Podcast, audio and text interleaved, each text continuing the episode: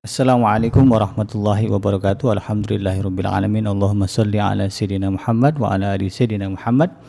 Amma ba'du. Apa kabar sahabat iDream Radio dan iDream TV di mana pun Anda berada? Alhamdulillah kembali saya Abi Genji menemani menemani Anda dalam program eh, rutin kita selama bulan Ramadan yaitu ngaji from home yang akan menghadirkan berbagai narasumber dalam eh, bidang masing-masing. Dan pada hari ini kita akan uh, bersama dengan Al Ustad Haji Muhammad Suharsono LC MESY yang akan uh, membahas dan mengupas tuntas tentang uh, birrul walidain ya kita memberi judul jangan menyesal berbaktilah kepada orang tua. Nah, bagi Anda yang mungkin selama ini uh, kurang uh, hubungan interaksi dengan orang tua, mari kita dengarkan tausiah dan kajian dari Al Ustaz Haji Muhammad Suharsono LCMA SY untuk supaya lebih tahu ya apa sebetulnya tanggung jawab dan uh, kewajiban ya yang diberikan Allah Subhanahu wa taala kepada kita.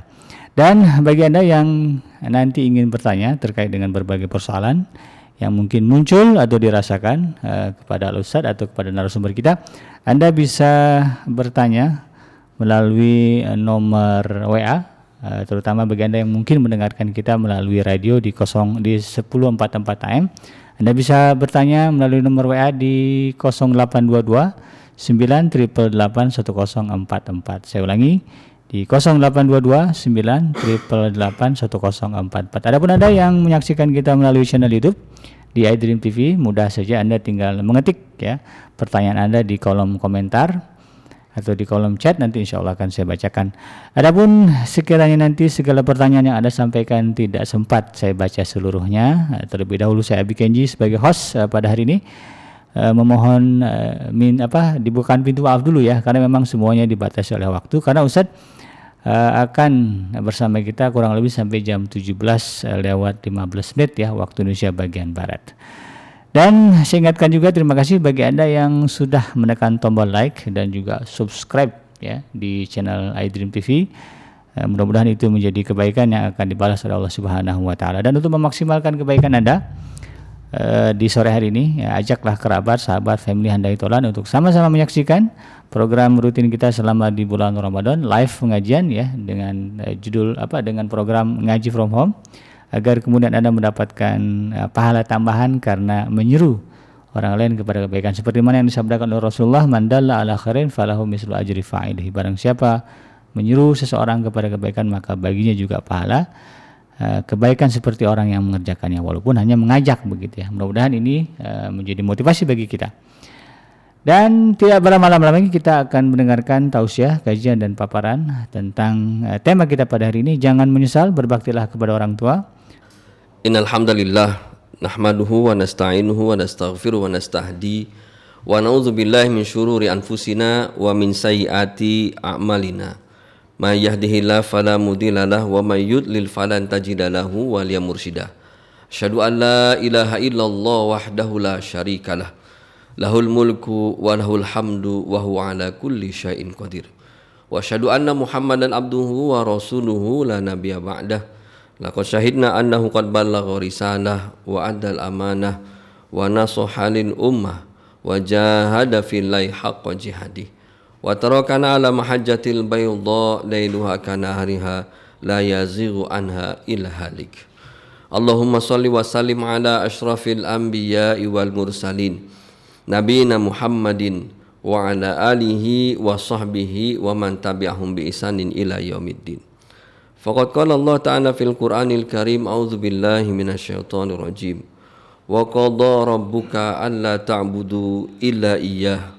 Wa bil walidaini ihsana.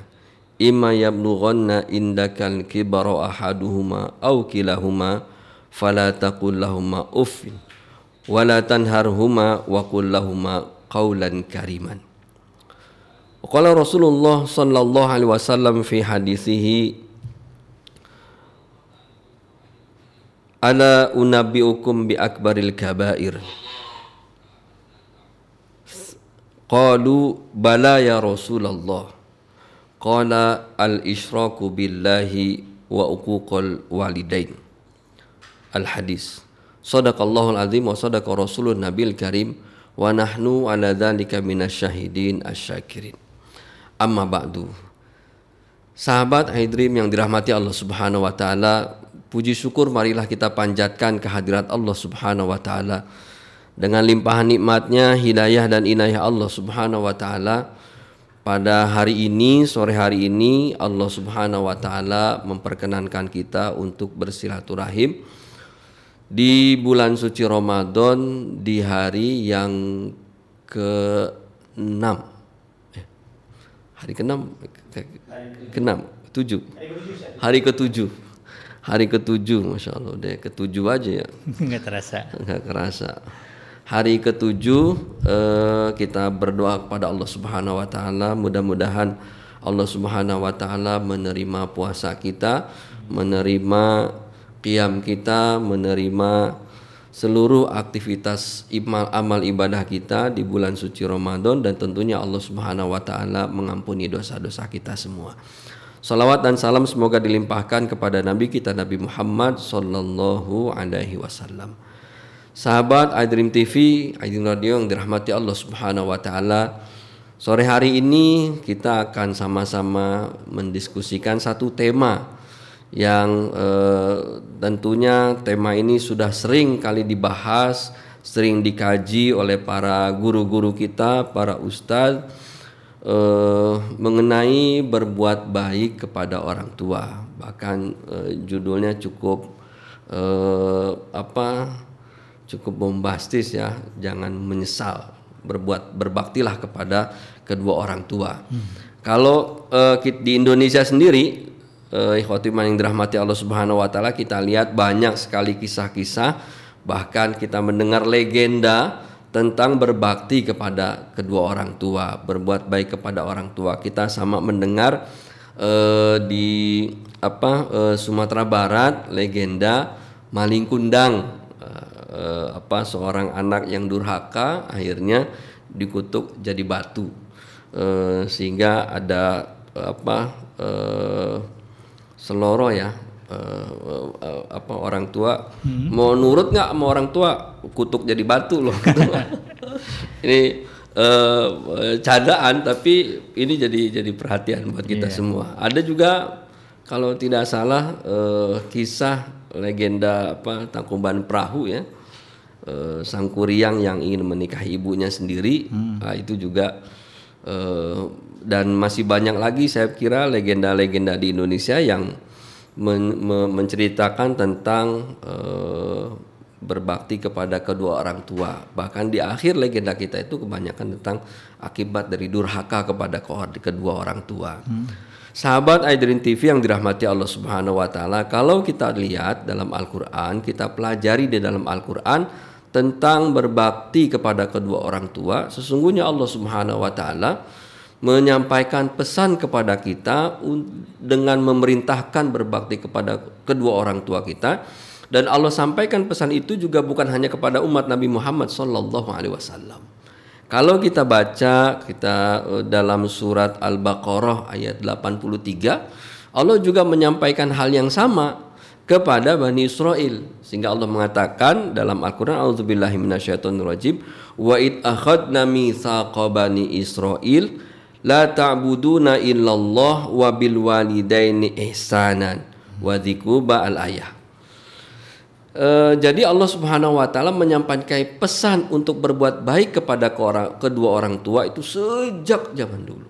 Sejak Bani Israel bahkan disebutkan perintahnya adalah wa, wa bil walidaini ihsanan. Sahabat Aidin TV yang dirahmati Allah Subhanahu wa taala dan Allah mempertegas kepada umat Nabi Muhammad SAW dalam surat Al-Isra ayat 23. 23 Allah sampaikan pesannya perintahnya kepada kita semua wa qadha rabbuka alla ta'budu illa iyyahu wa bil walidaini ihsanan al ayah Allah katakan dalam ayat ini Allah sampaikan dan Allah Subhanahu wa taala telah menetapkan telah memerintahkan Allah telah memerintahkan kepadamu Allah ta'budu illa iyyahu untuk tidak beribadah kecuali kepada Allah Subhanahu wa taala wabil walidaini ihsana. Sahabat iDream TV yang dirahmati Allah Subhanahu wa taala, kalau kita lihat ayat ini dan juga kita lihat ayat surah Al-Baqarah 83, ini menunjukkan Allah Subhanahu wa taala memuliakan orang tua, memuliakan kedua orang tua.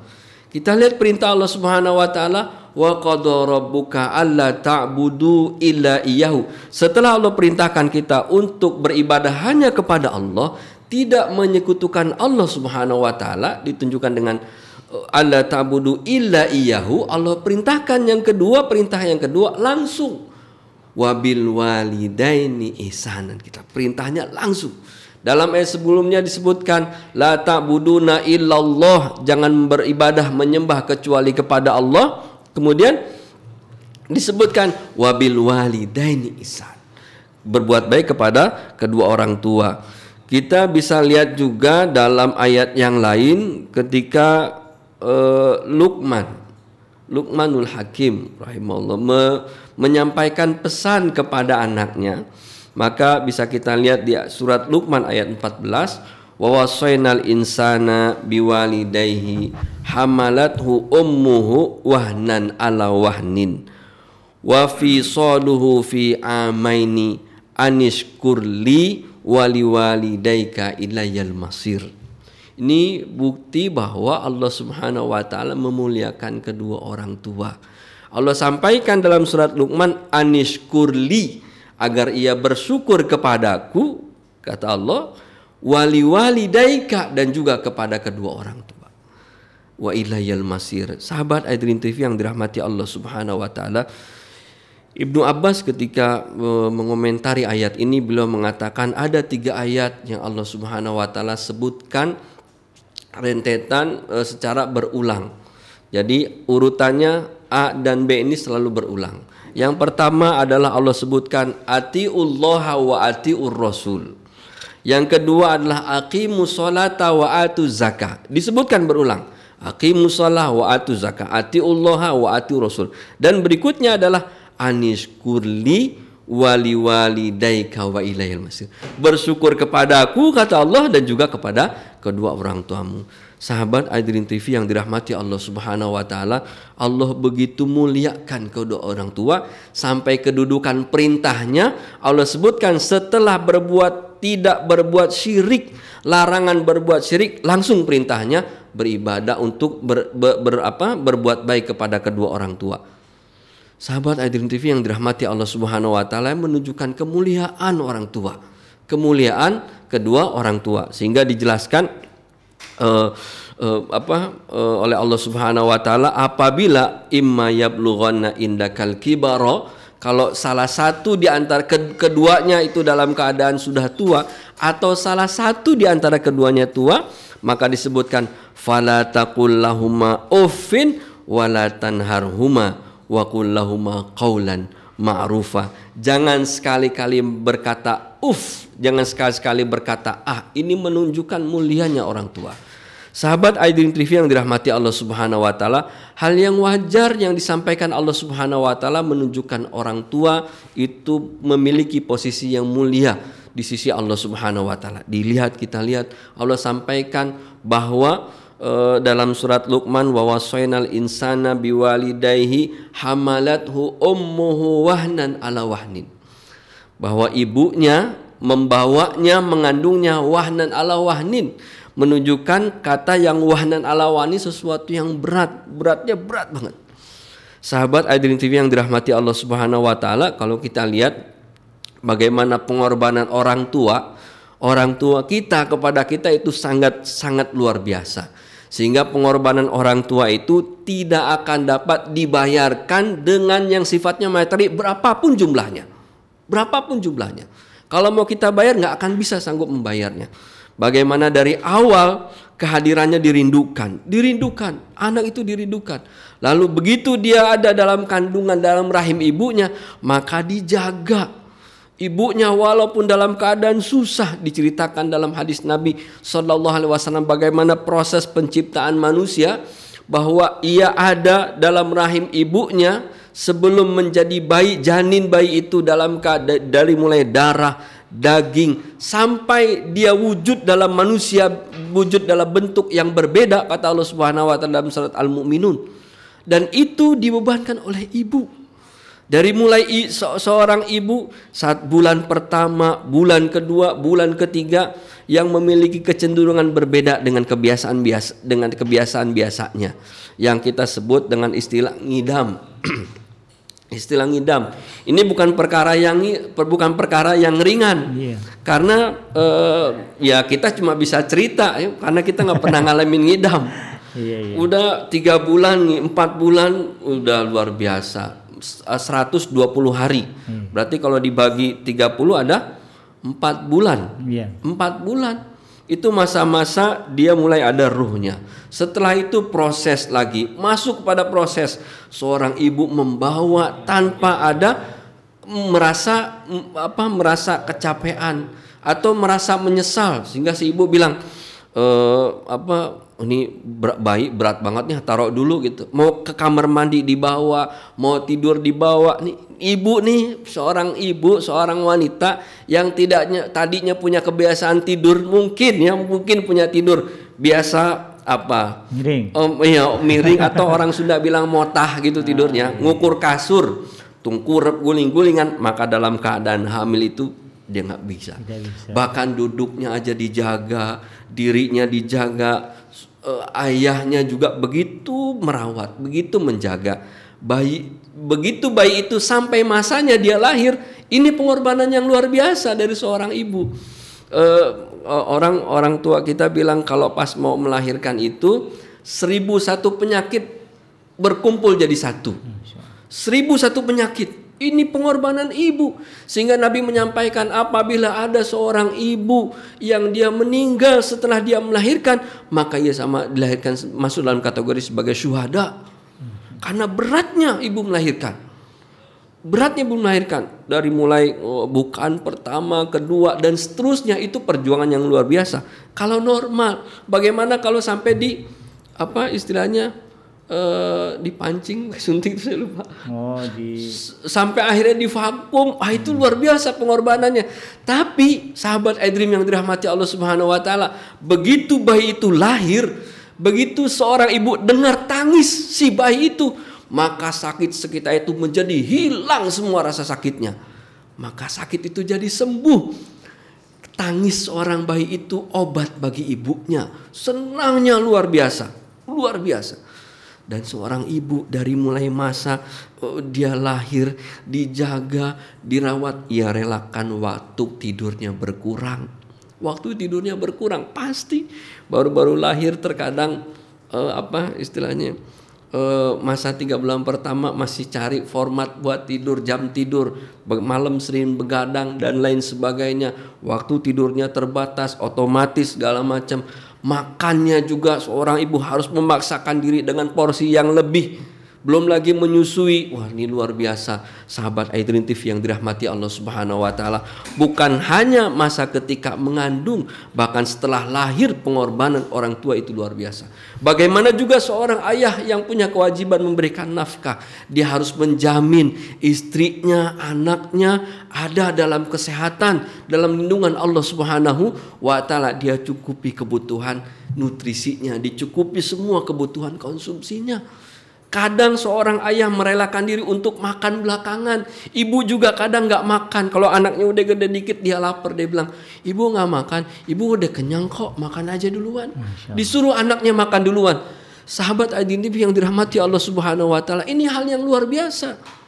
Oh, seorang bapak, bapak juga seneng. Dia lapar dia begitu dia bawa makan ternyata anaknya belum makan maka dia bilang, nah ayo makan, makan dulu. Setelah mengetahui anaknya makan, maka dia biarkan dirinya makan belakangan. Makan sisa-sisa. Kalau emang ada sisa, apa kalau makan ayam mungkin sayap-sayapnya nggak apa-apa, sayapnya doang. Begitu pas yang lain makan mau makan, kau makan apa? Ini dalam uh, apa efisiensi karena terbatas tapi pengen ngajak anaknya makan dibawa dia ke ruang ke, ke tempat makan. Mau makan apa? Anaknya minta ayam, minta ini. Bapak makan apa? Tahu sama tempe. Hmm. Ini kan luar biasa, sahabat Adrib TV yang dirahmati Allah Subhanahu wa taala. Ini apa pengorbanan orang sehingga wajar jika Allah Subhanahu wa taala memuliakan orang tua. Posisinya disebutkan alla ta'budu illahu illa iyyah wa bil walidaini ihsan. Setelah jangan berbuat syirik, maka Allah wajibkan langsung berbuat baik kepada kedua orang tua. Sahabat Aidin TV yang dirahmati Allah Subhanahu wa taala, Allah menyampaikan, jangan sampai kita berkata berkata ah Uf itu maksudnya adalah berkata ah ini uh, apa uh, kalau lihat fenomenanya kan ya terkadang kita juga perlu banyak istighfar sama kedua orang tua. Jangan-jangan waktu kecil juga kita keceplosan bilang ah. Hmm. Kan begitu disuruh dikit-dikit ah udah ntar aja dulu, ntar dulu apa? Ini Allah Subhanahu wa taala yang Allah perintahkan jangan ah aja enggak enggak boleh. Ngomong ah aja udah enggak boleh. Ngomong ah apalagi lebih daripada itu lebih daripada itu, itu dosanya lebih besar. Sehingga sahabat TV yang dirahmati Allah Subhanahu wa taala Allah Subhanahu wa taala menempatkan menempatkan keriduan Allah, keriduan Allah ada pada keriduan orang tua Allah sebutkan ridallahi fi ridul walidaini wa suhtullahi fi suhtil walidain Keriduan Allah ada pada ridho kedua orang, orang tua. Murka Allah ada pada murka kedua orang, orang tua. Kalau dalam kitab Ibnu Qudamah disebutkan ada salafus soleh. Ya. Salafus soleh ini punya kebiasaan yang luar biasa. Kalau ngomong sama ibunya, ngomong sama orang tuanya, itu eh, jangankan ngomong ah orang yang dengarnya bilang dia itu kalau ngomong sama orang tuanya kayak lagi bisik-bisik. Hmm. Saking lembut dia jaga. Saking lembut dan itu perintah Allah dalam ayat lanjutan surat Al-Isra. Setelah diperintahkan untuk untuk uh, jangan berkata ah, maka katakan apa yang semestinya harus dilakukan. Allah sampaikan wahfid janah lahuma janaha dzulli minar rahmati wa qur rabbirhamhuma kama rabbayani saghira. Luar biasa sahabat TV yang dirahmati Allah Subhanahu wa taala, ini perintah Allah yang sangat luar biasa. Allah sampaikan uh, dan rendahkanlah dirimu terhadap mereka berdua dengan penuh kasih sayang. Jadi ketika di depan orang tua jangan sampai kita merasa lebih dibandingkan dibandingkan keduanya. Ini kewajiban kita kepada orang tua. Jangan sampai kita merasa lebih dibandingkan uh, dibanding, dibandingkan keduanya. Allah perintahkan apa? Wah fijana kayak kalau kita punya sayap sayapnya diturunin dulu. Hmm. kalau punya jabatan jabatannya turunin dulu. Ketemu orang tua rendah kita. Direktur jabatan apa pun direktur manajer atau bahkan siapa pun begitu ketemu orang tua maka jabatannya adalah hilang semua. Yang ada dia seorang anak yang harus berbakti kepada kedua orang tuanya. Siapa pun orangnya Ikhwati iman yang dirahmati Allah Subhanahu wa taala, sahabat iDream yang dirahmati Allah Subhanahu wa taala. Sehingga Allah menempatkan keriduan Allah ada pada kedua orang tua. Yang harus kita cari adalah ridho Allah. Jadi surga kita sesungguhnya bukan di luar. Surga kita nggak usah jauh-jauh. Surga kita ada di kedua orang tua kita. Sehingga ada seorang sahabat datang kepada Nabi SAW. Mau jihad, mau berjihad. Nabi bilang, punya orang tua enggak? Punya ya Rasulullah. Naam ya Rasulullah. Ulang. Berbuat baik kepada kedua orang tua. Karena di situlah jihadmu kepada mereka berdua. Jadi surga kita di Allah membandingkan ini jihad yang pahalanya luar biasa gugur dalam sebagai eh, ketika berjihad masuk surga Allah Subhanahu wa taala Allah banding Nabi bandingkan sama dengan apa? Sama dengan berbuat baik kepada kedua orang tua berbuat baik kepada kedua orang tua disebutkan. Jadi mencari ridho Allah, mencari surga nggak usah jauh-jauh, cari surga ada pada kedua orang tua kita. Jangan sampai orang tua kita murka, murka orang tua kita, marah orang tua kita, sulit kita masuk, sulit kita ditempatkan surga Allah Subhanahu. Jangankan masuk ke dalam surga, mati aja bisa jadi susah gara-gara kita durhaka kepada orang tua. Dan ini disebutkan dalam kisah masa Nabi Shallallahu Alaihi Wasallam. Nabi SAW. Kisah yang terkenal kita kenal kisah Al-Qamah. Kisah Al-Qamah. Para sahabat datang kepada Nabi Wasallam. Salah satunya adalah Bilal dan menceritakan bahwa Al-Qamah saat ini dalam keadaan sakit dan dia dalam keadaan sakaratul maut. Lalu Nabi berkata, coba lihat tengok talkinkan kalimat la ilaha illallah. Balik lagi sahabat dan menyampaikan nggak bisa ya Rasul, nggak bisa dia ngomong la ilaha illallah. Masih punya orang tua nggak? Masih ada. Dan bilang sama orang tuanya, bilang sama orang tuanya uh, untuk me meredoin dia. Lalu akhirnya datang lagi ke orang tuanya. Sampaikan pesan kepadanya, saya yang akan datang ke rumahnya atau ia yang akan datang ke tempat saya. Ini Nabi pesan.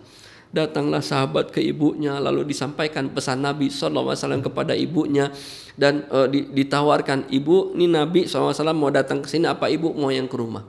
Saya yang datang ke rumah, ke rumah ke tempat Rasulullah Sallallahu Alaihi Wasallam. Datanglah ibunya ke tempat Nabi Shallallahu Alaihi Wasallam sampai tempat Nabi ditanya oleh Rasulullah Shallallahu Alaihi Wasallam bagaimana pandanganmu tentang anakmu tentang putramu Alqomah diceritakanlah oleh ibunya. Alqomah itu orang yang rajin ibadah sholatnya rajin puasanya rajin sedekahnya juga rajin. Sedekahnya juga rajin. Lalu diceritakan kondisi terakhir. Diceritakan kondisi terakhir. Nabi cuma minta maafkan kesalahan anakmu. Coba kita lihat. Ikhwati iman yang dirahmati Allah Subhanahu wa taala. Materi yang kita miliki rumah mobil apa pun yang kita miliki tidak akan bisa menyelamatkan kita bahkan sholat kita, puasa kita, sedekah kita, aktivitas ibadah kita tidak akan bisa menyelamatkan kita selagi kita durhaka kepada kedua orang tua kita. Buktinya Alkoma. Ibunya bilang rajin sholat, rajin puasa, rajin sedekah. Tapi dia sulit melafazkan la ilaha illallah. Lalu Nabi minta, maafkan kesalahan putramu. Ditolak. Lalu Nabi memerintahkan para sahabat mengumpulkan kayu bakar. Lalu sahabat Aidrin TV yang dirahmati Allah Subhanahu wa taala, seorang ibu punya feeling yang luar biasa kepada anaknya. Walaupun dia marah, maka dia tanya, "Apa yang kau lakukan ya Rasulullah?" Lalu Nabi menyampaikan uh, apa menyampaikan pesan, "Anakmu sulit, engkau tidak mau maafkan." Dikumpulin kayu bakar, mau dibakar supaya matinya mudah. Ibunya langsung sedih, langsung belakang. Uh, syaratnya cuma satu, maafkan kesalahan anakmu, redoi dia. Akhirnya ibunya bilang, aku maafkan ya Rasulullah. Tadinya dia marah, aku marah dengan anakku. Dia lebih memilih istrinya dibandingkan aku. Merasa dibanding-bandingin sama istrinya. Ini juga pelajaran sahabat identif yang dirahmati Allah Subhanahu wa taala. Perlakuan kita kepada istri atau istri juga harus memahami sikap seorang suami bahwa andaikan suaminya itu durhaka kepada orang tuanya lebih mendahulukan orang tuanya lebih mendahulukan istrinya dibandingkan orang tuanya orang tuanya marah maka akan membuat murka Allah Subhanahu wa taala Ibunya cerita dia lebih mendahulukan istrinya dibandingkan aku. Lalu kata Nabi maafkan kesalahannya. Setelah dia bilang aku maafkan kesalahannya. Aku ridho kepadanya. Lalu Nabi memerintahkan coba cek bagaimana kondisinya sekarang kepada Bilal. Bilal pun menyampaikan ya Rasulullah dia sudah bisa melafazkan talqin la ilaha illallah Muhammad Rasulullah Sahabat Aidin TV yang dirahmati Allah Subhanahu wa taala. Ini menunjukkan bahwa surga kita ada di rumah kita. Ikhwati iman yang dirahmati Allah Subhanahu wa taala sehingga kesempatan bagi siapa saja yang masih memiliki orang tua sahabat iDream iDream iDream Radio dan iDream TV yang dirahmati Allah Subhanahu wa taala andaikan masih ada orang tua atau orang tua sedang di kita berkumpul bersama kita maka berbuat baiklah kepadanya. Berbuat baik kepadanya. Jangan sampai menyakitinya. Jangan berkata-kata kasar kepadanya. Rendahkan perkataan kita kepadanya. So kesel apa pun, so emosi apa pun kita dengan orang tua kita tetap rendahkan. Karena dia lebih layak diperlakukan baik dibandingkan yang melakukan kita. Dibandingkan diri kita sendiri sahabat Aidrim TV yang dirahmati Allah Subhanahu wa taala. Kalau orang tuanya jauh, gimana Ustadz? Orang tua saya jauh di kampung. Saya pengen berbuat baik, pengen minta maaf, tapi entar kalau pas lebaran kan sekarang buktinya nggak bisa mudik. Gimana caranya? Sahabat iDream TV yang dirahmati Allah Subhanahu wa ada cara lain yang kita bisa bersilaturahim dengan kedua orang tua kita. Caranya bagaimana? Telepon. Telepon sesungguhnya orang tua kita merindukan kita. Orang tua nggak perlu transferan kita nggak perlu. Orang tua kadang nggak butuh materi, kadang begitu ditelepon orang tua cuma bilang, Nah, gimana kabarmu? Gimana bu? Enggak kok, ada apa? Enggak, cuma pengen dengar suaranya doang. Cuma pengen dengar, halo, apa kabar? Alhamdulillah baik. Anak-anak gimana? Sehat-sehat. Udah cuma habis gitu, udah cukup. Tutup. Orang tuh nggak perlu sahabat adim yang dirahmati Allah Subhanahu wa taala. Ini kesempatan kita. Begitu kita telepon orang tua kita, ke telepon, "Bu, gimana kabarnya? Alhamdulillah sehat." Kita ngobrol, orang tua seneng. Bu, doain saya ya bu saya sekarang lagi mau begini mau begini kondisinya seperti kita ceritakan orang isang ibu bilang iya nak ibu doain terus kamu sehat keluargamu sehat ini luar biasa apa eh, doa Allah doa orang tua doa orang tua untuk anaknya itu adalah doa yang tidak akan pernah ditolak oleh Allah Subhanahu wa taala Kata Nabi SAW ada tiga doa yang tidak ditolak oleh Allah Subhanahu Wa Taala. Yang pertama adalah doa musafir. Yang kedua adalah doa yang dizolimi. Dan yang ketiga adalah doa orang tua untuk anaknya. Sehingga begitu kita bilang, ibu, bapak, minta doa. Sekarang saya lagi mau begini. Apa pun aktivitas kita Doain anak saya supaya sehat, keluarga ya saya supaya sehat, dicukupi kebutuhannya, sehat iman, iman Islamnya, sehat jasmani, sehat rohaninya. Minta doa, sang ibu langsung bilang, "Iya, nak." Ibu doain keluarga kamu, kamu sehat semua, rizkinya berkah. Allah buka pintu langit, dijabah langsung oleh Allah Subhanahu wa taala sahabat Adrim TV yang dirahmati Allah Subhanahu wa taala. Terkadang kita malu sama aktivitas kita. Uh, kita lupa telepon orang tua kita.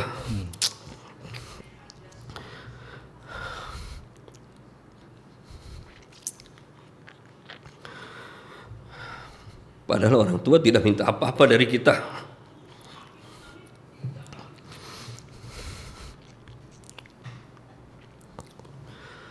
Orang tua tidak minta sesuatu yang sifatnya materi. Ya. Orang tua cuma mungkin yang diinginkan orang tua orang tua adalah si anak itu menjadi anak yang soleh, anak itu menjadi anak yang baik, anak itu menjadi anak yang beribadah kepada kedua orang tuanya, kepada Allah Subhanahu wa taala. Sahabat IDTV yang dirahmati Allah Subhanahu wa taala ini uh, Allah Subhanahu wa taala menyampaikan pesan yang luar biasa kepada kita. Yang tadi Allah muliakan orang tua, yang kedua Allah letakkan keriduan Allah ada pada kedua keriduan orang tua. Allah letakkan doa orang tua diijabah oleh Allah Subhanahu wa taala. Kemudian juga Allah sampaikan uh, kedudukan orang tua itu sama dengan berjihad fisabilillah sama dengan jihad fisabilillah. Oleh sebab itu ikhwati man yang dirahmati Allah Subhanahu wa taala, ada seorang tabi'in, dia hidup di zaman Nabi sallallahu alaihi wasallam, hidup bersama Nabi di zaman Nabi tapi ia tidak bertemu dengan Nabi sallallahu alaihi wasallam. Dia penduduk Yaman. Namanya pasti kenal, kisahnya pasti kita kenal. Namanya adalah Uwais Al-Qarni. Uwais Al-Qarni. Dia dia begitu rindu dengan Nabi SAW. Ingin bertemu dengan Rasulullah SAW. Tapi ia tidak bisa pergi.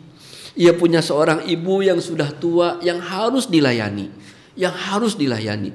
Ibu ini berpesan, ibu ini berpesan. Ia tidak mau dilayani oleh siapa pun kecuali oleh anaknya yang ia kandung dari sejak rahim sampai dia lahirkan. Dan sahabat Aidin yang dirahmati Allah Subhanahu wa taala, bisa saja Uwais ia mungkin minta tolong orang lain untuk menjaga ibunya. Dia pergi ke Madinah bertemu dengan Nabi sallallahu alaihi wasallam, tapi itu tidak dilakukannya. Ia jaga, ia rawat ibunya sampai satu ketika ibunya mengizinkan ia bertemu dengan untuk pergi ke Madinah bertemu dengan Rasulullah sallallahu alaihi wasallam. Jalan Uwais dari Yaman dari Yaman menuju Madinah dengan jalan kaki perbekalan yang terbatas. Begitu mau sampai akhirnya perbekalannya habis, ia pingsan lalu dibawa oleh seorang penduduk Mekah sampai di depan masjid masjid Nabi Shallallahu Alaihi Wasallam. Begitu sadar kaget dia. Oh sampai harapannya bertemu dengan Nabi begitu besar, harapannya begitu besar sehingga uh, pada akhirnya dia cari dan dia dapat informasi bahwa Rasulullah SAW tidak di tempat. Sedih dia. Dia tunggu belum juga kembali. Dia dipesankan oleh ibunya, jangan pergi lama-lama nak, cepat pulang. Ibu sendirian. Akhirnya menjelang sore dia pulang kembali ke Yaman. Dilayani ibunya. Dia seorang yang fakir, miskin. Pekerjaannya hanya gembala, gembala kambing dan unta. Orang juga nggak kenal, orang nggak kenal, nggak banyak dikenal oleh orang banyak. Tapi Nabi SAW berpesan kepada Umar dan Ali radhiyallahu anhuma. Kalau ketemu Uwais, minta doa darinya, minta agar dia beristighfar untuk kalian berdua karena dia adalah penduduk langit, dikenal oleh penduduk langit walaupun di bumi tidak dikenal. Apa yang menyebabkan dia begitu? Dia orang yang berbuat bakti kedua orang tuanya. Dia layani orang tuanya sampai orang tuanya, sampai orang tuanya bilang, nak, ada satu yang ibu belum terkabul. Apa bu? Ibadah haji ke Baitullah. Terfikirlah, bagaimana, bagaimana mungkin Uwais yang miskin bisa berangkat ibadah haji. Perbekalannya seperti apa? Dan terfikirlah beban beratnya. Bahwa ia harus menggendong ibunya sampai ke tanah haram. Lalu akhirnya Uwais pun membeli seekor kambing domba yang kecil. Domba itu ia gotong, ia bawa ke tengah bukit. Setiap hari ia bawa, setiap hari ia bawa sampai pada datang musim haji, maka ketika dia pertama melakukan itu orang-orang bilang, ini Uwais sudah gila kali ya dia bawa domba lalu nggak di nggak diapa-apain dikasih mah digendong dibawa sampai ke atas bukit. Sampai akhirnya ternyata masyarakat tahu bahwa domba itu adalah latihan untuk menggendong ibunya.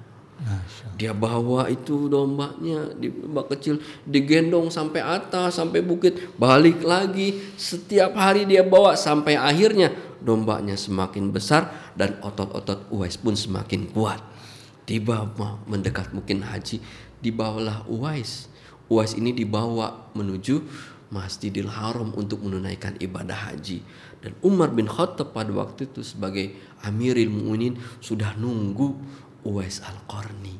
Sampailah Uwais ini ikhwati iman yang dirahmati Allah Subhanahu wa taala dia gendong ibunya. Bayangin dulu orang uh, orang mau berangkat ke Masjidil Haram kan mesti beli onta. Dia nggak hmm. punya onta, digendong, digendong. Itu sebabnya kenapa Uwais itu lebih dikenal penduduk langit dibandingkan penduduk bumi. Begitu sampai ketemu Umar bin Khattab setiap ada rombongan dari Yaman ditanya, ada Uwais apa enggak? Ditanya lagi Uwais apa enggak? Selalu ditanya sampai akhirnya suatu rombongan bilang, ada Uwais enggak? Ada. Dan Uwais ini dulunya adalah seorang yang apa? Seorang yang uh, punya penyakit kusta. Hmm. Penyakit kusta. Di, begitu dia begitu sembuh, dia minta ya Allah jangan sembuhin semua, sisakan sedikit saja sisa-sisa penyakit kusta. Nah, kan biasanya kita nih kalau doa nih begitu ya Allah sembuhkan sembuh yang total. Hmm. Dia enggak minta sembuh supaya apa? Supaya dia bisa bersyukur dulu sakit ini ini sekarang udah sembuh, maka dia minta sisa. Dan sisa itulah sebagaimana disampaikan oleh Nabi Shallallahu Alaihi Wasallam menjadi ciri kalau engkau Umar bin Khattab, Ali bin Abi Thalib radhiyallahu bertemu dengannya, cirinya adalah ada bekas luka dari penyakitnya. Begitu ketemu maka dilihat ada tandanya betul engkau Uwais yang disebutkan oleh Nabi Sallallahu Alaihi Wasallam. Lalu Umar minta doa sama beliau, Ali pun minta doa sama beliau. Ikhwatu iman yang dirahmati Allah Subhanahu Wa Taala. Uwais berpesan, disampaikan pesan Nabi oleh jangan sampai jangan kabarkan kepada siapa-siapa informasi ini. Sehingga ikhwatu iman yang dirahmati Allah Subhanahu Wa Taala begitu Uwais wafat Orang bingung, banyak orang yang datang. Begitu orang mau ngurusin jenazahnya, sudah ada banyak orang yang mengurusi jenazahnya. Mau dikafanin sudah ada, mau disulatin sudah orang kumpul. Bahkan yang mentaziah juga begitu banyak. Sehingga orang heran, ini Uwais ini siapa? Dia orang yang fakir, orang yang miskin dikenal di penduduknya. Tapi ternyata Allah subhanahu wa ta'ala memuliakan dia. Ikhwati iman yang dirahmati Allah subhanahu wa ta'ala. Allah muliakan lebih dikenal di langit dibandingkan di bumi. Karena sebab apa? Karena ia memuliakan orang tuanya. dari mulai merawatnya, menjaganya sampai menggendongnya, menunaikan uh, keinginannya untuk beribadah haji di Masjidil Haram. Ikhwati iman yang dirahmati Allah Subhanahu wa taala, inilah kemuliaan-kemuliaan kita untuk berbuat bakti kepada berbuat baik kepada kedua orang tua dan Allah Subhanahu wa taala berpesan kepada kita apabila kita lalai atau durhaka dalam berbuat baik kepada orang tua, maka Allah Subhanahu wa taala akan menolak menolak kita bahkan masuk dalam bi akbaril kabair dosa besar yang sangat besar kata Allah Subhanahu wa taala. Nabi mengatakan, "Maukah engkau aku tunjukkan bi akbaril kabair?" Tiga kali disebutkan. Tiga kali. Mau nggak? Mau tahu nggak apa itu dosa besar yang paling besar? Mau nggak dosa aku tunjukkan dosa besar yang paling besar? Lalu eh, para setelah tiga kali para sahabat menjawab, bala ya Rasulullah. Iya wahai Rasulullah. Lalu Nabi mengatakan dosa besar yang paling besar adalah al ishraku billahi wa uququl walidain. Berbuat syirik kepada Allah dan durhaka kepada kedua orang tua. Oleh sebab itu sahabat iDream yang dirahmati Allah Subhanahu wa taala, bagi siapa saja yang orang tuanya masih hidup, manfaatkan dengan betul untuk berbuat baik kepada kedua orang tua. Karena merekalah pintu surga kita.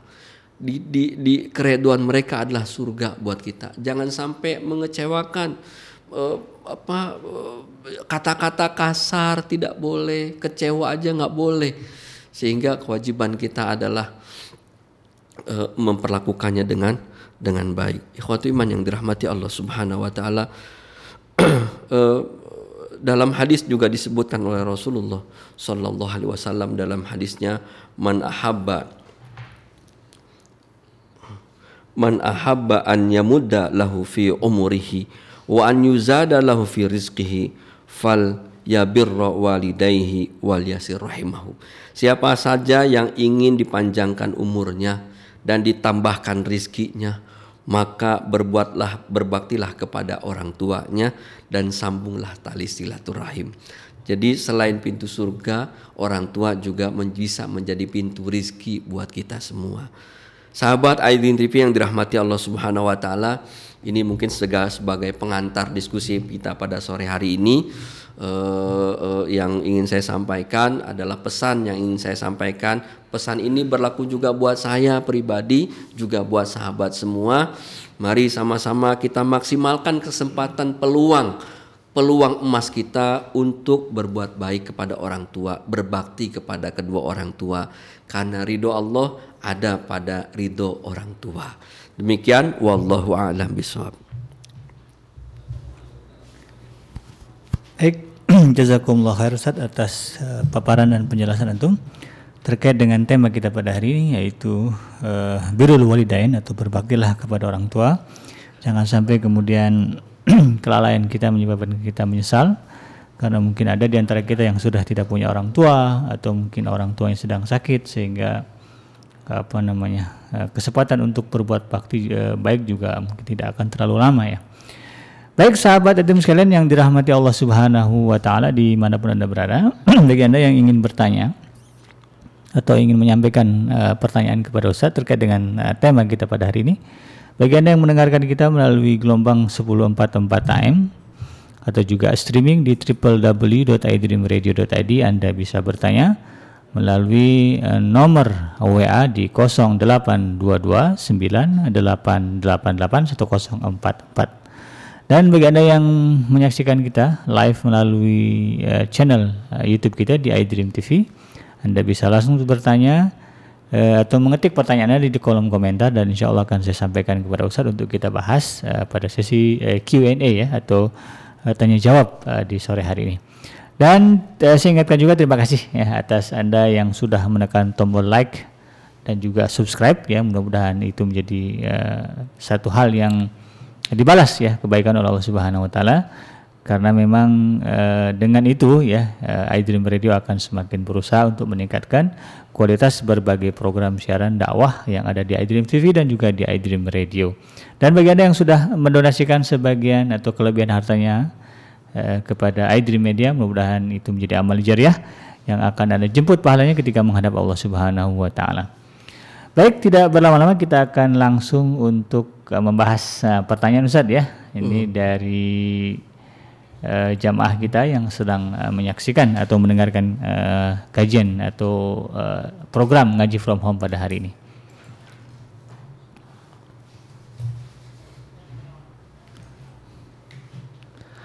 Untuk pertanyaan pertama Ustaz ini dari uh, siapa ini? Nah, dari Bapak Sidik di Medan. Assalamualaikum Ustadz, Ana Sidik dari Medan, izin bertanya. Ustadz, jika belum bisa membahagiakan orang tua dengan mencukupi kebutuhan material, nah ini ceritanya ekonomi nih Ustadz. Iya, iya, iya, iya, Apakah dengan mendoakan keduanya setiap hari sudah cukup Ustadz? Karena kondisinya anak eh, di tempat terantau, orang tua di kampung. Wah, ini orang Medan ini Ustadz. Silakan. Insya Allah ya, jauh ya. Uh, baik, uh, terima kasih.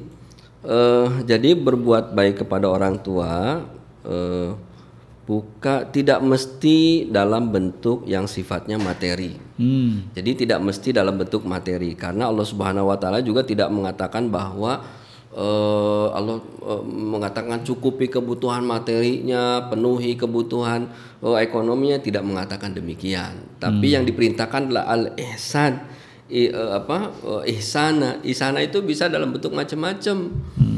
Uh, apa uh, dan saya sangat meyakini bahwa orang tua pun tidak tidak meminta sesuatu yang sifatnya materi berlebih dari kita. Iya, umumnya, sangat yakin. Umumnya begitu ya. ya sangat yakin, sangat yakin. Nggak ada orang tua yang maksa gitu ya, uh. atau uh, bilang, oh uh, orang tua bilang minta handphone baru misalnya, handphonenya yang canggih gitu. Iya. Padahal tahu anaknya kerjanya biasa-biasa aja gitu. Ha. Saya yakin nggak ada yang kayak begitu. Iya, iya. Yang ada adalah orang tua itu yang yang yang yang yang diinginkan orang oleh orang tua adalah anak ini menjadi anak yang baik, anak yang soleh. Itu aja udah cukup buat orang tua.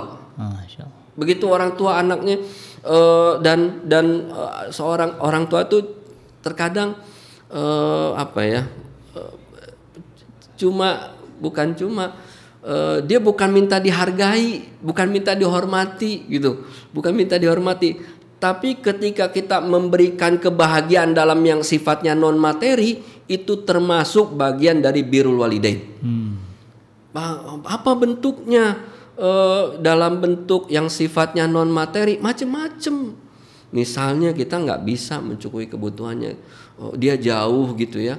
Uh, uh, kalau dia dekat kita bisa tengokin dia gitu tengokin apalagi ini musim bulan puasa iya. begini ya kalau dia dekat gitu uh, Kirim rumah tetangga gitu kan uh, ibu bukanya sekarang mau pakai apa gitu ya iya. uh, uh, kirim makanan kan ngirim makanan itu nggak habis juta-jutaan sih menurut saya sebenarnya untuk sekedar takjil gitu ya kita iya. buat makanan buat buat kita di rumah kalau iya. orang tuanya deket nih bisa orang tuanya deket nih buat makanan di rumah lalu di antara makanan itu e, sebagiannya kita kasih ke orang tua kita. Itu aja udah cukup. Hmm. itu aja udah cukup gitu kan.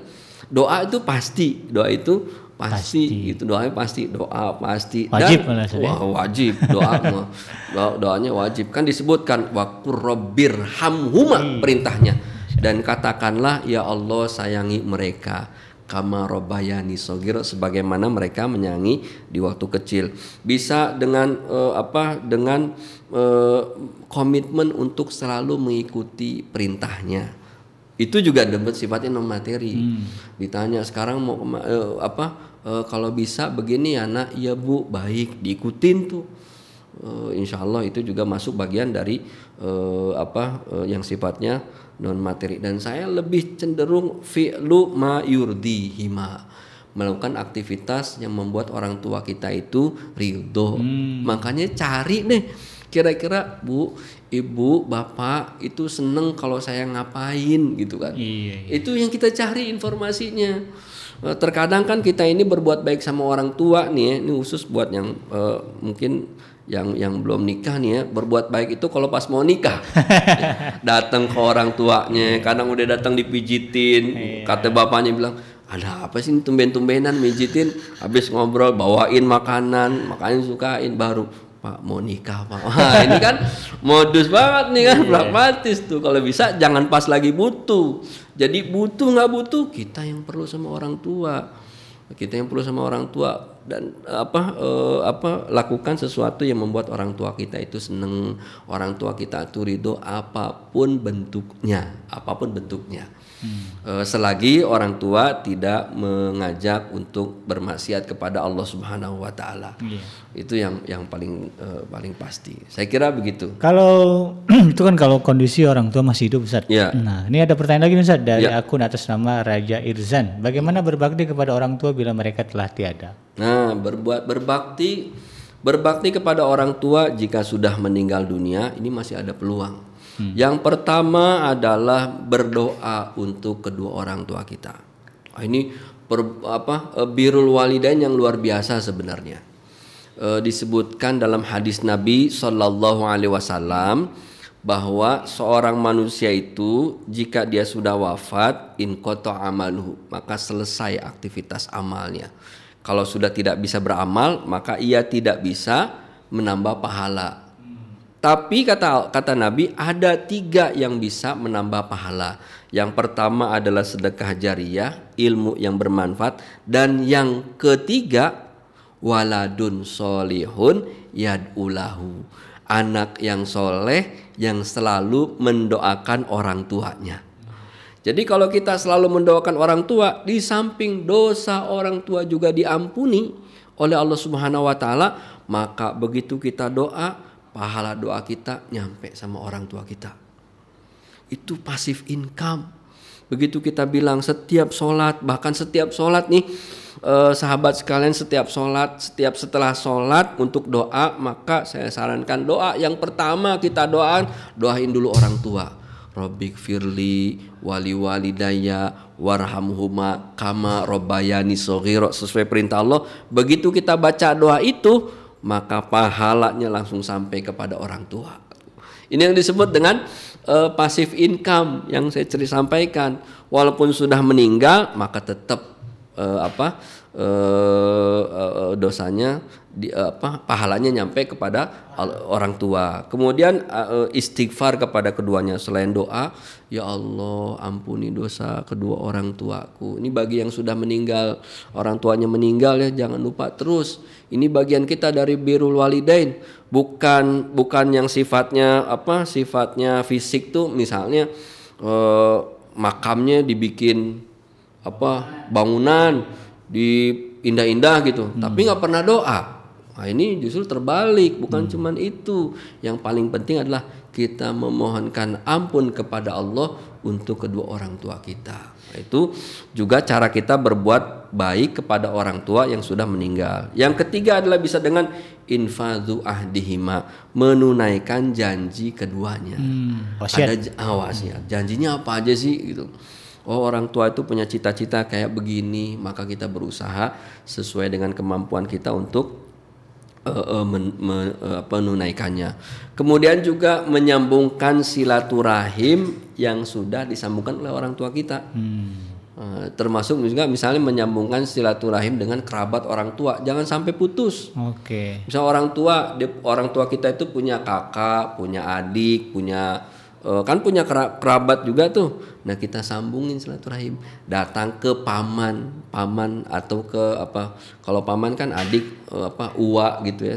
Sambungin juga saudara-saudara yang lainnya. Iya. Dulu orang tua saya itu masih hidup selalu datang ke rumah si fulan nih, bawain ini, terusin tuh kebaikan orang tua sehingga aktivitas itu bisa si orang tadi tuh selalu mengenang oh iya bapak kamu mah dulu juga kayak begini persis banget kamu kayak bapak kamu jadi orang inget tuh Itu cara kita berbuat baik kepada kedua orang tua kita. Kemudian juga tentunya jangan lupa untuk ziarah kubur. Ziarah kubur. Uh, ziarah kubur ya. Ziarah kubur. Kalau dulu kan uh, Nabi pernah mengharamkan ziarah kubur, tapi sekarang uh, apa sudah dianjurkan. Yang fungsi ziarah kubur tentunya tidak dengan aktivitas yang uh, tertentu misalnya dengan uh, perayaan apa gitu kan ziarah kubur itu tujuannya sekali lagi untuk mendoakan uh, orang tua kita jadi ini cara-cara di antara cara uh, kita untuk berbuat baik kepada orang tua bagi orang tua yang sudah meninggal dunia. Oke. Okay. Wallahu alam. Baik, terima kasih Ustaz. Mudah-mudahan uh, jawaban tadi bisa memuaskan. Pertanyaan dari saudara Sidik di Medan dan juga akun atas nama siapa tadi itu ya? Uh, Razak Irzan ya. Jadi berbuatlah sebaik mungkin ya. Kalau yang uh, gajinya belum cukup ya orang tua tuh bukan lihat jumlah Ustaz ya. Iya. betul. dikirimin seratus ribu juga seneng. Baik Ustaz kita lanjutkan ke penanya berikutnya. Ini dari Singapura Ustaz jauh. Masya Allah. Ingin bertanya saya Ustaz saya hamba Allah. Uh, ibu saya sudah meninggal saya merasa sudah kehilangan tempat doa yang mustajab. Padahal doa ibu adalah salah satu doa yang dijawab oleh Allah Subhanahu wa taala. Sedih rasanya Ustaz setelah kehilangan ibu juga kehilangan doanya. Nah, bagaimana Ustaz? Apakah di alam barzah ibu saya masih bisa mendoakan saya anaknya? Terima kasih Ustaz atas jawabannya. Uh, baik ya. Uh, emang ini pertanyaan ini sebenarnya pelajaran buat kita yang masih hidup iya. uh, pelajaran buat kita yang masih hidup hmm. dan buat siapa saja yang orang tuanya juga masih hidup. Uh, karena ketika sudah tidak ada orang tua, maka seolah-olah hilang separuh surga kita. Masya Allah. Kalau orang tua nggak ada tuh surga kita hilang separuh. Artinya sebenarnya uh, kalau masih dulu kalau masih tinggal di rumah gitu serumah kita bisa datang itu udah surga. Begitu orang tua seneng surga udah. Sekarang orang tua nggak ada, bagaimana caranya? Hilang ya. Hilang surganya. Sehingga uh, ini juga bagian dari saya pikir tazkirah buat kita semua, hmm. sahabat Aidrin TV dan uh, Adim Radio yang dirahmati Allah Subhanahu wa taala, jangan sampai kita udah uh, baru terasa uh, kalau udah nggak ada. Hmm. Oh, itu jadi kehilangan orang tua itu uh, apa sedihnya itu luar biasa gitu ya. Dan saya rasa siapa pun yang pernah kehilangan orang tua, apalagi apalagi begitu kehilangan kita nggak ada di tempat. Iya, nah, itu nyesel banget.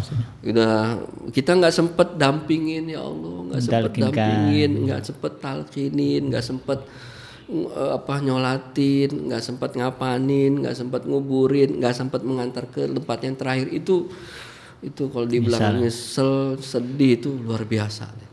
Tapi kan Allah tidak perintahkan kita untuk larut terus dalam kesedihan. Yeah. Yang Allah perintahkan adalah eh, apa? Kita bersabar. Untuk, jangan cuma sedih doang gitu, tapi kita melakukan aktivitas sesuatu. Nah, bagi yang orang tuanya sudah meninggal sudah meninggal dunia, hmm. eh, jadi dalam yang sepengetahuan saya tidak ada satupun penjelasan yang menunjukkan bahwa orang tua di alam kubur itu mendoakan yang masih hidup. Karena alamnya sudah berbeda alamnya sudah berbeda. Sehingga hal yang penting buat kita untuk berbuat baik kepada orang tua mendapatkan surganya surga orang tua adalah dengan cara selalu mendoakan orang tua kita. Hmm. itu yang paling penting kalau orang tua kita soleh, anak-anaknya soleh, orang tua kita orangnya baik, anak-anaknya soleh, lalu kita didik anak-anak kita juga menjadi anak yang soleh, ini yang akan didoakan oleh para malaikat. Malaikat pemegang al-arsh dalam surat Ghafir ayat 7 dan ayat 8. Hmm. Alladzina yahminul al-arsya orang para malaikatnya memegang ars Allah Subhanahu wa taala mereka semua berdoa kepada Allah Subhanahu wa taala. Minta apa? Ya Allah, ampuni orang-orang yang beriman, orang-orang beriman kepadamu, terima taubat mereka, wa adkhilhum masukkan ke dalam mereka ke dalam surga jannatu adnin. Surga Aden yang engkau janjikan allati watahum disebutkan dalam ayatnya wa man solaha min abaihim dan dari siapa saja dan dan yang apa orang tua orang tua mereka yang soleh. Orang tua bukan cuman bapak tapi bukan cuman bapak ibu bapak ibu kakek nenek eh, apa lagi? Ke Uyut. atas uyut. Terus aba wa wa azwajihim pasangan kita. Wa dzurriyyat Allah tidak sebutkan wa auladihim anak tapi zuriat zuriat itu anak eh, kan keturunan artinya cucu. anak cucu Cicit. cicit terus ke bawah. Jadi kalau kita rajin berdoa kepada Allah Subhanahu wa taala, ibu kita sudah meninggal, nggak ibu udah di alam sana itu akan bahagia, akan bahagia kalau kita terus doa. Kalau kita nggak doa nggak doa sama ibu, orang tua kita nggak doa, nggak nggak nggak doa buat mereka, maka nggak jadi pasif income, nggak jadi pahala buat mereka. Tapi kalau kita doa, pahalanya ngalir terus sama ibu. Padahal dua orang tua kita udah nggak bisa beramal, Iya. tapi terus mengalir pahalanya. Sehingga inilah yang dimasukkan nanti oleh Allah dalam surga Aden. Satu satu keluarga besar. Hmm, Jadi kalau ada komplek, komplek ini Hmm. keluarga semua di surga dari mulai bapaknya, kakeknya, terus ke bawah keturunan-keturunannya. Masya Itu yang paling penting saya pikir yang harus kita lakukan eh, apa eh, apa tidak mesti eh, apa Daripada bersedih ber- yang bersedih gitu ya. Bahwa surga saya hilang nih gimana ya? atau eh, merasa separuh jiwaku hilang gitu Eh, boleh lah tapi kita harus move on betul, betul. kita harus eh, optimis dan harus terus berdoa kepada eh, Allah Subhanahu wa taala untuk kedua orang, tua, kita. kita. Dan kalau bisa tempatkan doa itu doa yang paling pertama. Hmm. Sebelum minta doa yang lain. Begitu kita masuk doa langsung Rabbik firli wali walidayya warhamhuma kama rabbayani shaghira. Sagir. Ajarin juga buat anak-anak kita. Siap, Ustaz. Sama doa itu. Wallahu a'lam. Baik untuk penanya dari Singapura tadi mudah-mudahan bisa difahami. Jadi jangan larut dalam kesedihan, tapi fokus kepada uh, hal yang akan ada di depan ya. Kita banyak uh, berdoa untuk orang tua kita, itu akan membahagiakan mereka. Baik Ustadz, kita lihat nih ada pertanyaan dua penanya senada Ustadz. Ini terkait dengan anomali di mana kan uh, orang tua umumnya uh, tidak berharap banyak dari anak. Tapi kan ada juga kasus di mana orang tua tidak begitu. Nah ini pertanyaan adalah Ustadz, bagaimana jika orang tua menghitung berbuat baik eh, kepada anaknya dengan ukuran materi atau kalau sakit sering mengeluh. Nah, anak menyikapinya gimana? Silakan. Eh, ini anomali ya. yang namanya anomali juga sikapnya dengan anomali juga tentunya. Iya, iya, iya. Karena kan eh, ya anomali disikapi dengan bukan dengan sesuatu yang eh, sifatnya normal. Masih Iya. kita sikapi juga dengan yang sifatnya Tidak anomali normal, juga gitu ya. Eh kalau eh, orang orang tua yang jika ada orang tua yang mengukur kebaikan eh, anak itu dibuktikan dengan materi, dibuktikan dengan materi, maka yang pertama peran kita kepada orang tua adalah peran sebagai pendakwah kepada objek dakwah. Itu paling penting perannya. Jadi eh, kita bisa menyampaikan hal-hal yang eh, apa eh, apa berdakwah kepada orang tua kita tanpa orang tua kita merasa digurui. Iya. Eh, ini kan penting nih kan bahwa disampaikan aja de- dengan cara bil hikmah wal mauidzatil hasanah. Itu yang paling penting bahwa ke, eh, apa eh, eh, keba- kebaikan itu seperti apa dan bagaimana. Kemudian yang kedua, jika memang kita mampu untuk memenuhi keinginannya, ya nggak apa-apa kita penuhi. Kalau kita mampu. Kalau mampu ya. Kalau kita mampu ya. Kalau kita nggak mampu, kalau kita nggak mampu memenuhi keinginannya, ini juga kita bisa sampaikan kepada orang tua kita sesuai dengan apa yang eh, apa eh, apa yang di- diinginkan orang tua. Jadi kita sampaikan sesuai dengan dengan yang kita miliki gitu. Eh, apa eh, masa nanti penerimaan baik atau tidak kita kembalikan lagi bahwa yang paling penting adalah niat kita kepada orang tua kita itu adalah birrul walidain Masalah sikap orang tua kita kepada kita seperti apa itu diserahkan kepada Allah Subhanahu wa taala. Hmm. Itu yang paling penting. Sehingga kita tidak merasa bahwa uh, ka kalau apa uh, nggak sanggup harus memaksakan diri pada akhirnya jatuh kepada hal yang sifatnya madorot buat kita. Hmm.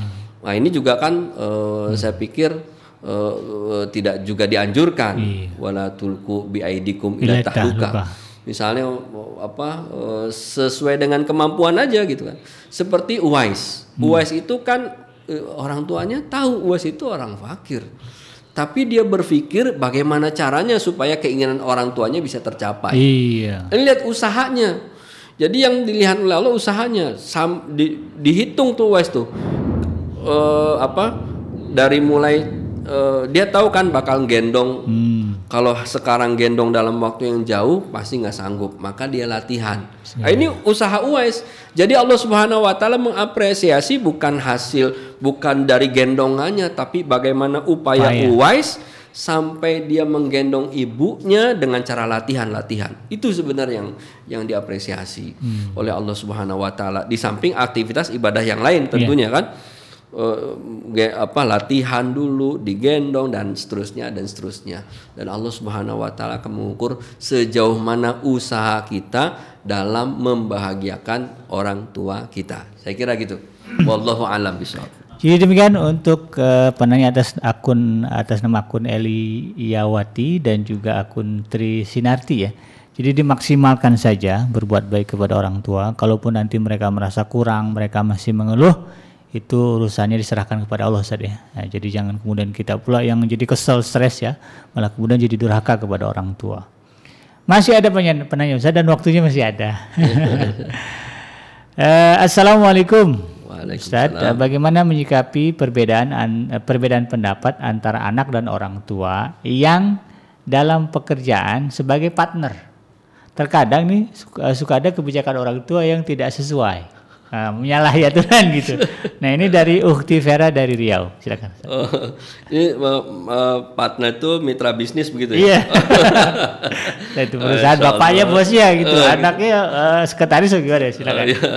uh, jadi uh, sahabat iDream TV yang dirahmati Allah Subhanahu Wa Taala ini emang unik ya di kita tuh emang. jadi uh, yang pertama yang saya sarankan juga kita juga harus pandai mengelola perbedaan-perbedaan pendapat. Oke. Okay. Gitu. Itu itu harus harus di harus kita harus kita lakukan juga gitu.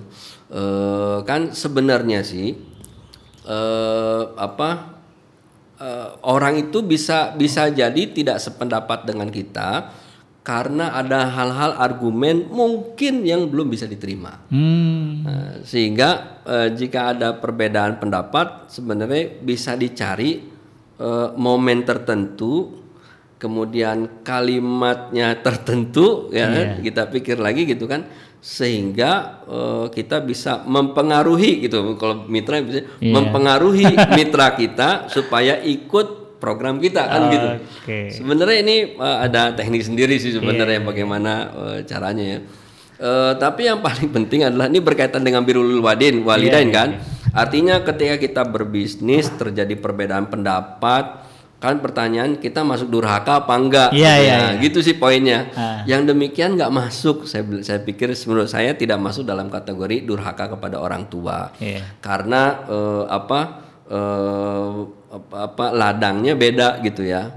Ladangnya beda. Ya ini kan dalam dalam hal tataran bisnis pastinya ada ada apa uh, yang disebut dengan visibility study-nya seperti apa nah. surveinya bagaimana atau uh, macam-macam lah gitu ya.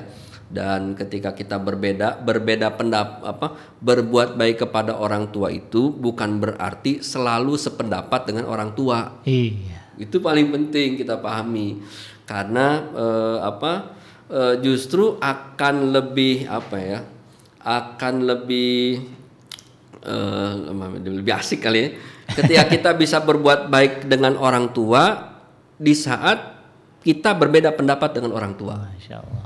Nah itu lebih lebih terasa itu uh, per, apa misalnya kalau uh, mungkin pendapat kalau dulu ya dulu ada orang tua kalau sholatnya ini mesti uh, subuhnya pakai kunut, anaknya nggak pakai kunut misalnya. Yeah, kan. yeah. Ini kan berbeda pendapat nih. Hmm. Ketika anaknya maksa orang tua dengan cara-cara tertentu, nah itu bisa jadi bisa durhaka sama orang tua.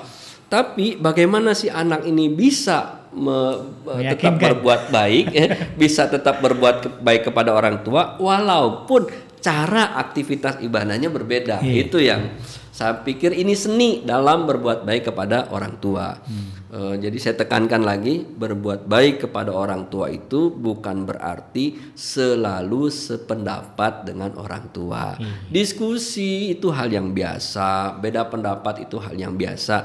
Yang tidak boleh adalah memaksakan pendapat kita kepada orang tua. Nah itu. Hmm. Okay. Pokoknya bapak harus ikut deh, kalau nggak ikut udah. nah itu nggak boleh tuh harus setuju deh calonnya pokoknya mau yang ini gitu tuh wallahu alam iya. jadi sekalipun berbeda pendapat kalau pendapat orang tua salah ya sampaikanlah dengan cara yang ma'ruf gitu ya. kalau ditolak ya urusannya dengan Allah lah ya Baik Ustaz, kita ya. sudah di ujung acara dan sebetulnya masih ada beberapa pertanyaan yang belum bisa saya sampaikan. Tapi mudah-mudahan apa yang Ustaz jelaskan bisa mengcover segenap pertanyaan dari sahabat Edwin Radio yang uh, tidak bisa disampaikan kepada Ustaz pada kesempatan kali ini. Dan sebelum saya akhiri Ustaz silakan uh, uh, closing statement ya terkait dengan tema kita pada hari ini uh, birrul walidain atau jangan menyesal berbaktilah kepada orang tua. Silakan Ustaz. Uh, sahabat iDream Radio dan iDream TV yang dirahmati Allah Subhanahu wa taala, kedua orang tua kita adalah pintu surga buat kita, maka maksimalkanlah uh, uh, agar kita bisa membuka pintu surga itu. Eh, berusahalah semaksimal mungkin bahkan seoptimal mungkin sesuai yang yang kita mampu. Keluarkan energi kita kemampuan kita untuk dapat membahagiakan orang tua untuk dapat mengambil ridho dari orang tua. Karena kalau orang tua kita ridho maka Allah akan ridho Allah ridho maka surga buat kita semua dan juga buat orang tua kita walaupun orang tua sudah meninggal peluang berbuat baik tetap ada dengan cara mendoakan orang tua, dengan cara memohon ampun atas segala kesalahannya, menyambungkan tali silaturahimnya dan juga berziarah kubur eh, berziarah ke kuburannya. Eh, mudah-mudahan dengan eh, bulan di bulan Ramadan ini ini ini bulan Ramadan sore ini apa peluang doa diijabah itu sangat besar sehingga jangan lupa, jangan lupa untuk mendoakan dua orang tua kita.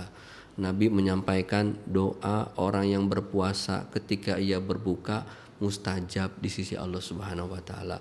Maka upayakan yang pertama kita doakan adalah kedua orang tua kita diberi kesehatan, afiat Allah, terhindar dari virus kalau kondisi sekarang terhindar dari virus corona, sehat walafiat, diberikan taufik oleh Allah Subhanahu wa taala, bimbingan sehingga Allah Subhanahu wa taala memudahkan jalan menuju surga untuk orang tua kita dan juga untuk anak-anaknya. Saya kira itu yang dapat saya sampaikan. Mohon maaf jika ada hal yang kurang berkenan. Uh, wallahu alam bisawab. Assalamualaikum warahmatullahi wabarakatuh. Waalaikumsalam warahmatullahi wabarakatuh. Baik sahabat dan sekalian yang dirahmati Allah Subhanahu wa taala, kita sudah berada di ujung acara program Ngaji From Home. Terima kasih atas segala perhatian dan juga uh, pertanyaan yang sudah disampaikan. Semoga itu semua dibalas sebagai sebuah kebaikan dari Allah Subhanahu wa taala. Baik. Uh, terima kasih juga untuk Anda yang sudah memberikan tombol like dan juga uh, subscribe. Mudah-mudahan itu menjadi kebaikan juga bagi Anda semuanya. Dan sebagai penutup, saya Abi Genji beserta kru yang bertugas memohon dibukakan pintu maaf yang sebesar-besarnya atas segala kekurangan. Subhanakallahumma rabbana wa bihamdika asyhadu an la ilaha illa anta astaghfiruka wa atubu ilaik. Assalamualaikum warahmatullahi wabarakatuh.